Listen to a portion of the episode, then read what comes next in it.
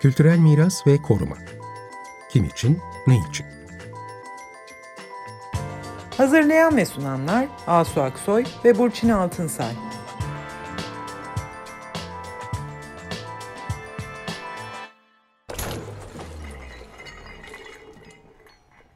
Merhabalar, ben Asu Aksoy. Merhabalar, iyi akşamlar. Ben Burçin Altınsay. Biz Asu'yla bu yaz günlerinde acaba kazı alanlarında neler oluyor onları konuşsak e, diyorduk kendi aramızda bu programda. E, fakat geçen hafta 28 Temmuz'dan itibaren öyle büyük bir olayla karşı karşıya kaldık ki e, bu konuyu elbette konuşmamız gerektiğini düşündük. Herkesin bildiği gibi Manavgat civarından başlayıp bütün Akdeniz ve Güney Ege kıyılarımızda çok büyük yangınlar oldu ve daha önce hiç görülmediği kadar hızlı yayılan yangınlarda binlerce hektar orman alanının yok olduğunu duyuyoruz, biliyoruz. Yerleşim yerlerine de ulaştı bu yangınlar. Bir yandan da ülkenin öbür ucunda e, sel felaketleri yaşandı Van'da. Bu akşam konuğumuz Zeynep Gülünal. E, kendisiyle bu afet durumlarında yaptığı tespitleri konuşacağız. Çünkü Zeynep Gül Ünal e, profesör ve e, Yıldız Teknik Üniversitesi Mimarlık Fakültesi Restorasyon Bölümünde öğretim üyesi. Aynı zamanda İKOMOS, Uluslararası Anıtlar ve Sitler Komitesi'nin de başkan yardımcısı. E, bize bu akşam e, bu koruma birikiminin üzerine geliştirdiği önemli bir başka uzmanlık e, alanından üzerinden bilgiler verecek. Çünkü kendisi hem GEA Toprak Ana Organizasyonu ile birlikte afet durumlarında arama kurtarma ve yardım çalışmalarına bizzat sahada katılıyor ve ICOMOS'un bir bilimsel komitesi var. ICORP, e, International Committee on Risk Preparedness yani e, risklere hazırlık komitesi. Uluslararası komitenin başkan yardımcısı. Bu komite Türkiye'de de var. Onun da başkanı. Bize bu doğal veya insan nedeniyle oluşan afetlerde kültürel mirasın korunması, kurtarılması, risklerin belirlenmesi, azaltılması konularında bilgiler verecek. Bu konularda çalışıyorlar. Bu yangınlarda da sahadaydılar. Hoş geldin Gül. Ee, hoş bulduk. Çok teşekkür ederim bu davet için ve fırsat için. Evet, siz biliyorum ki bu yangın bölgelerine de ekip yolladınız ve buradan da İstanbul'dan da e, sen de bizzat koordinasyonlara katılarak tespit çalışmalarını yapmaya başladınız. Şimdi sen bize önce istersen belki İKORP ve GEA'nın tam ne olduğunu bir iki cümleyle açıklayıp neler yapabildiniz bu aşamada ve orada durumlar hakkında e, ne kadar bilgi sahibisiniz? Çünkü bizler e, tabii ki sosyal medyadan ortakta olan bilgileri öğrenebiliyoruz. Bunları anlatırsan. Tabii çok teşekkürler. Ee, önce kısaca iki organizasyonu ve e, hangi e, noktada yollarının kesiştiğini anlatmak isterim. E, GEA Toprak Ana Türkiye'de kurulmuş bir organizasyon. Arama ve kurtarma, GEA Arama ve Kurtarma ekibi Türkiye olarak 94 yılında e, faaliyete geçiyor. Aslında birçok kişi e, bizleri depremlerle birlikte hatırlıyorlar ama e, kuruluş amacımız aslında 90'lı yıllardaki büyük orman yangınları, ülkemizdeki büyük orman yangınlarından sonra gerçekleşmişti. Uluslararası Anıtlar Sitler Konseyi Risklere Hazırlık Komitesi ise 1999 yılında kuruluyor. E, hepimizin hatırlayacağı 90'lı yıllarda Körfez krizi, e, Dubrovnik e, kent merkezinin, tarihi kent merkezinin havadan bombalanması ve Mostar Köprüsü'nün yıkılması gibi çok büyük tahribata neden olan kültür varlıkları üzerindeki olaylardan sonra da 99 yılında e, İKOMOS'un içindeki 28 bilimsel komiteden birisi olarak e, kuruldu. E, bu komitenin amacı da e, tüm afet durumlarında doğal ya da insan kaynaklı kültür varlıklarının korunması amacıyla yapılacak çalışmalara bilimsel destek sağlamak ki bunlar her aşaması için tabii yani hazırlık, zarar azaltma, müdahale ve iyileştirme aşamaları için. 2011 yılında Türkiye'de İKORP Türkiye kuruldu. Hem kurucularının arasında hem de şimdiki üyelerinin arasında G Arama Kurtarma grubunun üyeleri de vardı. Çünkü e, G Arama Kurtarma grubunun üyelerinin bazıları da koruma uzmanı aynı zamanda benim gibi. E, ve e, afetler dur- durumunda bu güçler nasıl birleştirilebilir? E, eğitim aşamasından sahadaki e, müdahale aşamalarına kadar. E, dolayısıyla böyle bir güç birliğiyle, bir protokolle güç birliği yaptık ve e, afetlerin tüm aşamalarında aşamalarında birlikte çalışırken kültür varlıkları ile ilgili bir durumda ortaya çıktığında e, bu kapasitemizi kullanmaya çalışıyoruz. Bir araya geliş hikayemiz bu şekilde. E, tabii bu yangından sonra da tüm afetlerde olduğu gibi bir e, olağan dışı bir durum ortaya çıktığında, bir kriz meydana geldiğinde tüm arama kurtarma grupları gibi ya da tüm acil müdahale ekipleri gibi e, bizim de bir protokolümüz var. Bildiğiniz gibi bütün koordinasyonlar AFAD, Başbakanlık Afet Acil Durum Yönetim Başkanlığı tarafından yapılıyor ve biz onların koordinasyonunda çalışıyoruz. E, bütün ülkelerde de bir acil durumda bu krizi yönetmekle yükümlü hangi organizasyon varsa e, tüm ekiplerin onların altında çalışmaları gerekiyor zaten ki e, bir kaos durumu ortaya çıkmasın. Çünkü hem konuyu bilenler sahada hem gönüllüler sahada ve bunların çok iyi yönetilmesi gerekiyor. E, biz ayın 28'inden beri e, hem Manavgat'ta hem de şu anda e, Bodrum'da da bir ekibimiz var. Aşağı Mazı mevkiinde de şu anda aldığım habere göre çalışmalarını devam ettiriyorlardı. Mazı Şeytan Deresi mevkiinde. Rutin olarak da bir bu bilgilerimizi çalıştığımız bölgeleri paylaşıyoruz da e, bu detayda sadece paylaşılıyor ve aynı zamanda e, insani yardıma da destek veriliyor. Çalışmalar dediğinizde ne tür çalışmalar yapıyor bu sizin bu sahadaki ekipleriniz? Yani böyle ee, yangınları engelle ne tür şeyler bu çalışmalar? Şu, an, şu anda yapılan çalışmalardan bahsedeyim. Ee, birkaç şey, şeye sınıfa ayırabiliriz. Bunlardan bir grubu şu anda yangının söndürülmesiyle ilgili olarak İzmir İtfaiyesi ile birlikte çalışıyoruz. Ee, ve soğutma çalışmalarına destek veriyor ekiplerimiz. Ama aynı zamanda e, insani yardımların dağıtılmasıyla ilgili ya da e, dediğim gibi Başbakanlık Afet Acil Durum Yönetim Başkanlığı'nın ihtiyaç duyduğu noktalar olursa o diğer noktalarda da e, destek verilmeye e, çalışılıyor. Kültür varlıkları hakkında tabii şu anda çok fazla e, bilgi sahibi olamıyoruz sanırım sahadaki e, durumlarıyla ilgili değil mi? Ama e, siz buradan e, bir ön tespitler yapmaya çalışıyorsunuz. Evet, şimdi şöyle tabii ki e, bu tür bir bu büyüklükteki bir afet durumunda her afette olduğu gibi bir kaosa düzen götür, gö, götürülmesi önceliği vardır ve burada da öncelik tabii ki canların kurtarılmasıyla ilgilidir. E, ama bazen şöyle bir yanlış algı da olabiliyor. Hani kültür varlıkları daha sonra gelir gibi bir şey değil. Çünkü e, bizim ülkemiz gibi kültür varlıkları açısından zengin ülkelerde aslında yapıların büyük bir çoğunluğu mesela hastaneler, okullar, e, ulaşım yapıları zaten tarihi yapılar. Dolayısıyla hani onlar başka bir yerde olmuyorlar. Olayın içinde oldukları için siz zaten mecburen e, bir noktada değebiliyorsunuz. Şu anda yangınla ilgili olarak tabii özellikle arkeolojik alanlarda e, izlemenin daha fazla olması gerekiyor. Bu e, çağımızın bize sağladığı bir olanak da uzaktan izleme olduğu için uydu sistemleriyle alınan anlık görüntüler kullanılabildiği için ya da işte e, günde iki kere geçen görüntüler elimize farklı kaynaklardan geliyor ve biz elimizdeki haritalarla bunu şu anda İKORP Türkiye gibi yapıyor. İşleyerek şu anda yayılmanın e, etkilerini de izlemeye çalışıyoruz. Tabii ki kurumlarla da e, bağlantılarımız var. Onların herhangi bir destek istemesi durumunda teknik destek verilebilmesi için çalışmalar yapılıyor. E, bana gelen bir haberi biliyorum. Kelenderis Antik Kenti'nde arkeolojik alanda e, Kültür Mirasının Dostları Derneği'nin de içinde olduğu bir grup tarafından bir hızlı bir e, tahliye ve daha sonrasında da durumu iyileşince geri dönüş gerçekleştirilmiş. Mesela bu bir tane haber olarak paylaşabilirim. Evet. Yani, bu yangında yani son yaşadığımız bu yangında evet arkeolojik alanlar evet tabii izleniyor dediniz.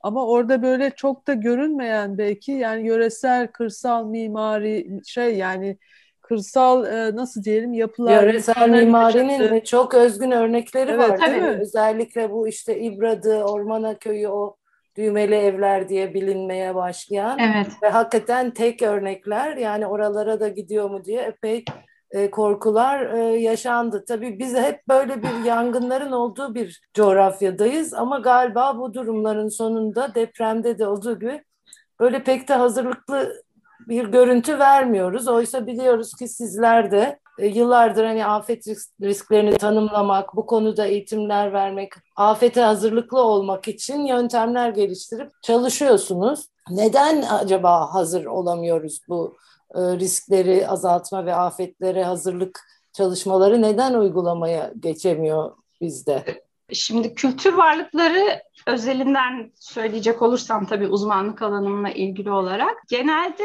e, afetin doğasını çok iyi biliyor olmanız lazım. Mesela terminoloji bile değişti. Eskiden afet önleme diye bir şey vardı.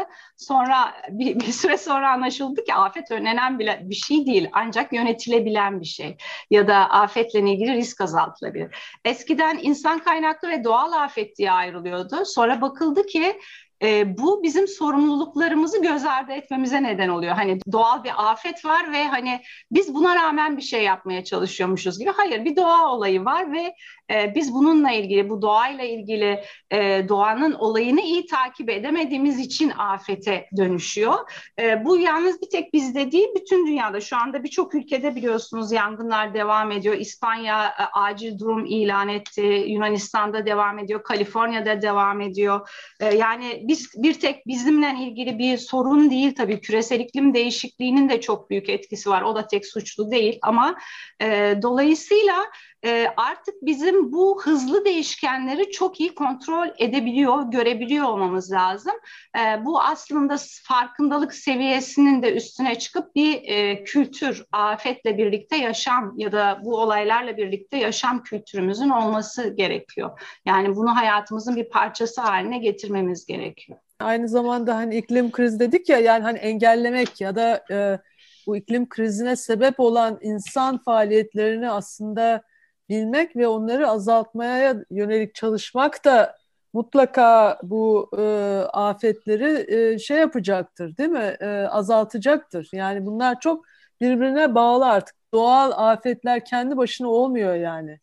Bizim evet Gül'ün de söylemek istediği o sanırım. Yani evet. onu yönetmek, önceden bunları azaltmak önemli olan. Bir de tabii her e, yangın da birbirinden farklı. Dolayısıyla yöreyle ilişkili oradaki yangının sebebi, gelişimi. Ben burada bir şey alıntı okumak istiyorum. Bu arkadaşımız Derya Nüket Özer bu son günlerde bir mektup yayınladı. Kendisi Antalyalı Manavgat'taydı bu yangınlar sırasında. Bu İbradı köyü falan onun e, memleketi ve orada birebir izleyerek yazdığı şey e, oradaki yörük olan yöre halkının e, yangın söndürmede çok önemli bir etkisi olduğunu söyledi. Onlar işte atalarından öğrendikleri bilgilerle yangının yolunu kesmek, durdurmak için e, işte karşı ateşler yakarak, hendek açarak falan çalışmışlar ve işte yangının Eynif Ovası'na inmemesi için, ormana ya Ürünlü Köyü'ne ulaşmaması için uğraşmışlar. Çünkü bu Eynif Ovası'nda da e, biliyoruz ki yılkı atları dolaşıyormuş. Onları da korumaya e, çalışmışlardı. Ve onların en büyük şikayetleri hani bunların yangında bu bilgilerini kullanmalarına e, fırsat tanınmamasından şikayet ediyorlarmış. Diyorlarmış ki biz zaten daha önce kurtardık, yine kurtarırdık köyümüzü diyorlar. Ve e, burada şuna da dikkat çekiyor Derya Nüket. Hem köyler mahalleye dönüştü biliyorsunuz. E, bu nedenle e, genç nüfusun köyleri terk etmesi, orman köyü statüsünün de e, üzerinde konuşulması gerektiğini söylüyor. Ve dolayısıyla bu e, eski bilgi buradaki o yörede yaşayan insanların bu afetle baş etme bilgisi de bir bakıma yok oluyor ve onların o bilgisine de ihtiyaç var. Ya her yörenin kendi yangını var diyelim ya da kendi afeti var. Bu bilgi de çok önemli değil mi? Yerel bilgi, eski bilgi. Evet, e, çünkü şimdi herhalde hepimiz olayları tabii e, yeni haber kaynağımız sosyal medya üzerinden takip ediyoruz. Yani e, genelde bu tür olaylarda bir ihbar kaynaklı olarak olayı bilirsiniz. Bir de e, alanda bilgi bilgiyi doğrudan alarak bilirsiniz.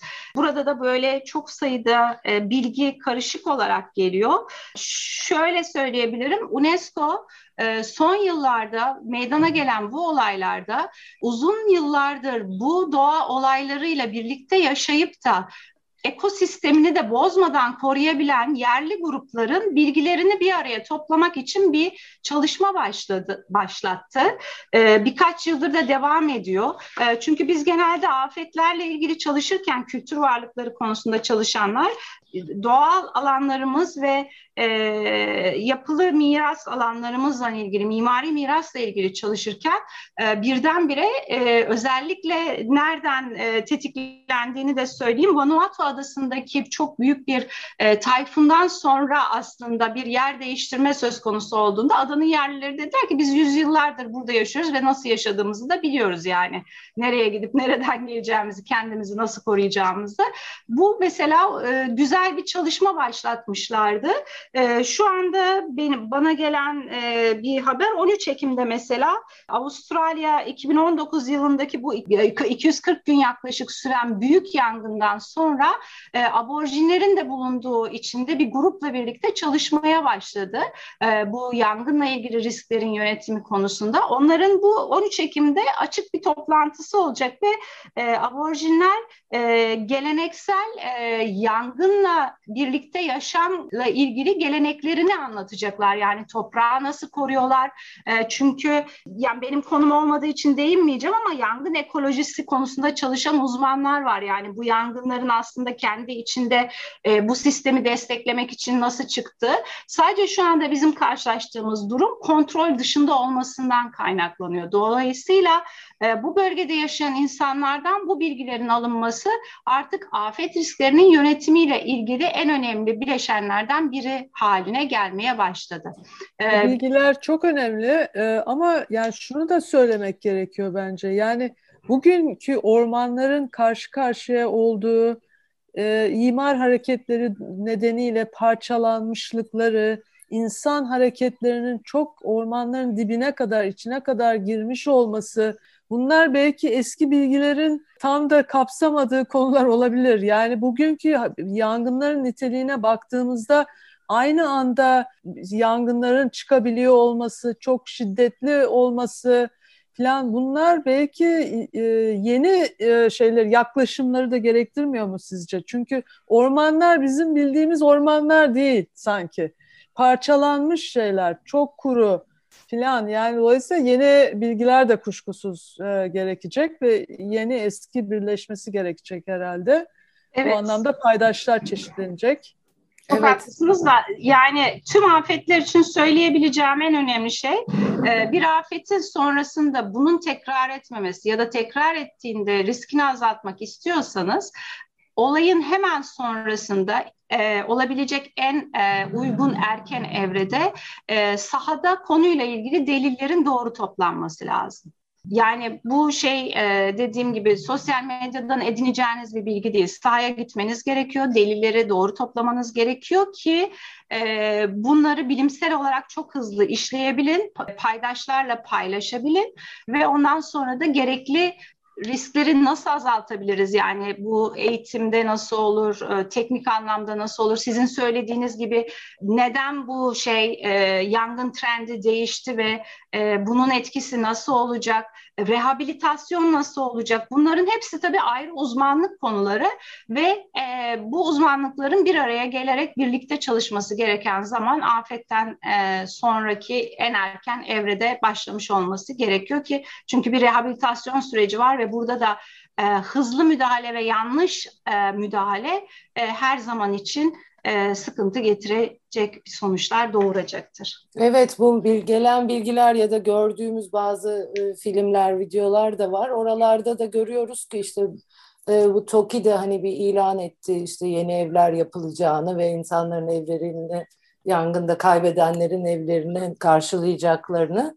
O bağlamda da Çevre ve Şehircilik Bakanlığı'nın elemanlarının bizzat yıkımlara başladığını, tespitlere başladığını görüyoruz bazı köylerde. Oysa o köylerin içinde mesela yıkılan binaların içinde işte taş yapılar, yöresel mimari kültür varlıkları da var. Tam bir tespit yapılmadan bu kadar hızlı bir yıkım işine girişmek herhalde o açıdan doğru değil hızlı müdahale olduğu için. Ormanla ilgili uzmanlar da söylüyor işte hani hemen gidip fidan dikmek değil de orayı kendi haline bırakmak gerekiyor gibi. Dolayısıyla yani bu sonrası da hemen sonrası da çok önemli. E, orası evet. nasıl idare edilebilir ve hani bundan sonra bir sonrakilere hazırlıklı olmak için neler yapmalıyız, neler yapılmalı kültür evet. varlıklarını da korumak açısından tabii ki canlardan hani onların da bir sırası var ama Evet, e, şimdi de, dediğim gibi o sıra tabii öncelikle canlıların kurtarılmasıyla başlıyor. Şu anda da sahada çok büyük bir konu uzmanları da yani acil müdahale ekipleri de gönüllüler de çalışıyorlar. Gerçekten çok zor bir konu. E, canla başla herkes çalışıyor. Bu sırada gönüllüler arasında kaybımız da oldu. Türkiye'de e, Şahin Akdemir e, bu yardımlara destek verirken e, vefat etti. Lübnan yangınında dün sanırım bir kişi daha aynı şekilde gönüllülerden. E, daha o süreçten başlayarak yani gönüllülerin nasıl yönetileceği, bu e, bilgilerin nasıl yönetileceği yönetileceği ve e, müdahalenin nasıl yönetileceğinin de çok iyi biliniyor olması lazım. Çünkü bazı durumlarda biliyorsunuz çok hızlı müdahale etmeniz gerekir. E, mesela çok ciddi hasar almış bir yapının e, çevreye zarar vermemesi için yıkılması gerekebilir. Ama bunların hepsi tabii uzmanlar tarafından bilinen ve haberinin de doğru servis edilmesi gereken noktalar. E, orada dediğim gibi önemli olan tüm afetler için söylüyorum çok hızlı bir durum tespiti, çok hızlı bir hasar tespiti e, ve e, bunun akabinde de alınacak önlemlerin önceliklendirilerek e, devreye girmesiyle söz konusu olacak.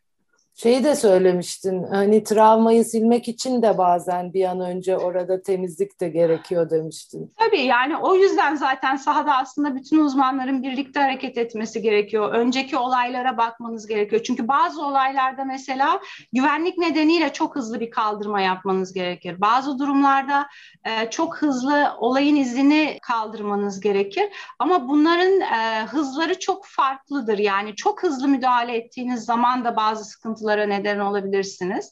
O yüzden her birinin e, bir e, zaman çizelgesi içinde yeri var aslında. Ve uzmanları eğer bu şeyde devreye girebilirlerse tabii ki hatalar olacaktır çok normal. Çünkü bir kaos ortamına düzen getirmeye çalışırken karşılaşılacak birçok durum var.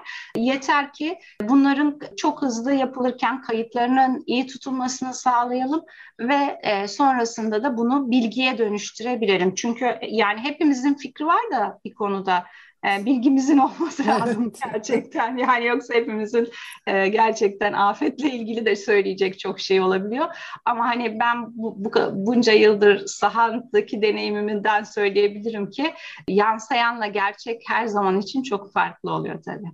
Evet yani bir de tabii ki o gerçeğin ne kadar az tekrar etmesini sağlayabilirsek Tabii. o kadar önemli.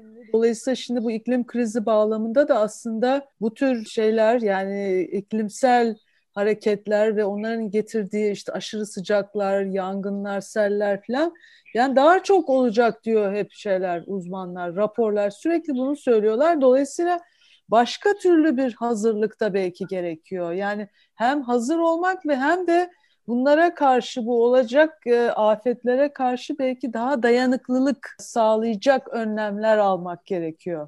Ve bu bağlamda da çok farklı belki bir seferberlik mi diyeceğiz bir politika evet, değişimi. Bir kampanya bir evet ne kadar etkileyebiliyoruz bir de tabii yetkilileri eğitimler herhalde verilmeli. Çok yakın çalışmak gerekiyor bu kadar uzmanlık bilgisi varken e, kullanılmalı. Şimdi Evet, şimdi tabii ki karar vericilerin karar vermesi için birçok veri geliyor. Ee, orada sizin argümanınız ne kadar kuvvetliyse, e, çünkü kimse bir kayıba neden olmak istemez aslında e, ve bunun kaydı da tutuluyorsa bu bunu yönetmek daha büyük önem kazanıyor. Ama izlemelerimizi dediğim gibi yani bu sadece bilim insanlarının ya da yöneticilerin yapacağı bir şey değil, hep birlikte yapmamız gereken bir şey. Çünkü hepimiz mesela küresel iklim değişikliği diye bir şeyin var olduğunu biliyoruz. Ama endikatörleri hakkında çoğumuzun çok fazla bilgisi yok. Mesela hatırlayacak olursanız 2007 senesinde Olimpiyada Yunanistan'da büyük bir yangın olmuştu ve İKOMOS ondan sonra arka arkaya çok büyük toplantılar düzenledi bununla ilgili. Çünkü orada da e, yangından önce olimpiyatlar düzenlendiği için bir yangın önleme sistemi vardı aslında alanda.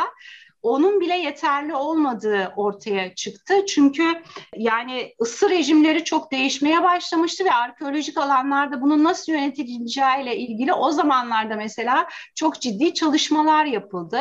Onları bir hatırlamamız gerekiyor açıkçası. Biz de herhalde eğitimlere başlamamız gerekiyor. Bir de İkrom'un bir eğitimi olacaktı. Onu da duyuralım, programımızı Oh. bitirelim. Olur. E, Ekim ayında aslında İKROM'un e, biliyorsunuz e, İKROM bizim hükümetler arası organizasyonumuz, uluslararası kültür varlıklarının korunması ile ilgili tüm eğitimler İKROM tarafından özellikle koordine ediliyor. Yangın risklerinin yönetimi tarihi somut ve somut olmayan bu arada kültür mirasına yönelik yangın risklerinin yönetimiyle ilgili bir eğitim planlıyorlardı. Onun duyurusunu yaptık ama daha iyi bir haber vereceğim. İKORP Türkiye ve İKROM'un protokolü var bundan sonraki 3 yıl için. O kapsamda e, sırf bu yakın zamanda meydana gelen bu coğrafyada Türkiye, Yunanistan, e, Lübnan ve çevredeki yangınları da düşünerek biz kısa bir eğitim daha e, düzenleyeceğiz. E, 3-4 günlük kısa bir eğitim. Onun da bilgisini koruma konusunda çalışan e, uzmanlarla paylaşacağız. Evet, Peki, biz de çok burada teşekkür radyoda ederiz. duyururuz o zaman değil mi? Evet, biz de duyururuz. Evet. Mümkün Çok olduğu kadar çok kişiye yayılması bu Evet. eğitimlerin çok önemli. Çok teşekkürler Gül geldiğin için. Evet Zeynep Hanım çok teşekkürler gerçekten. İyi Ben- akşamlar herkese. Ben teşekkür ederim. Sağ olun. Kültürel miras ve koruma. Kim için, ne için? Hazırlayan ve sunanlar Asu Aksoy ve Burçin Altınsay.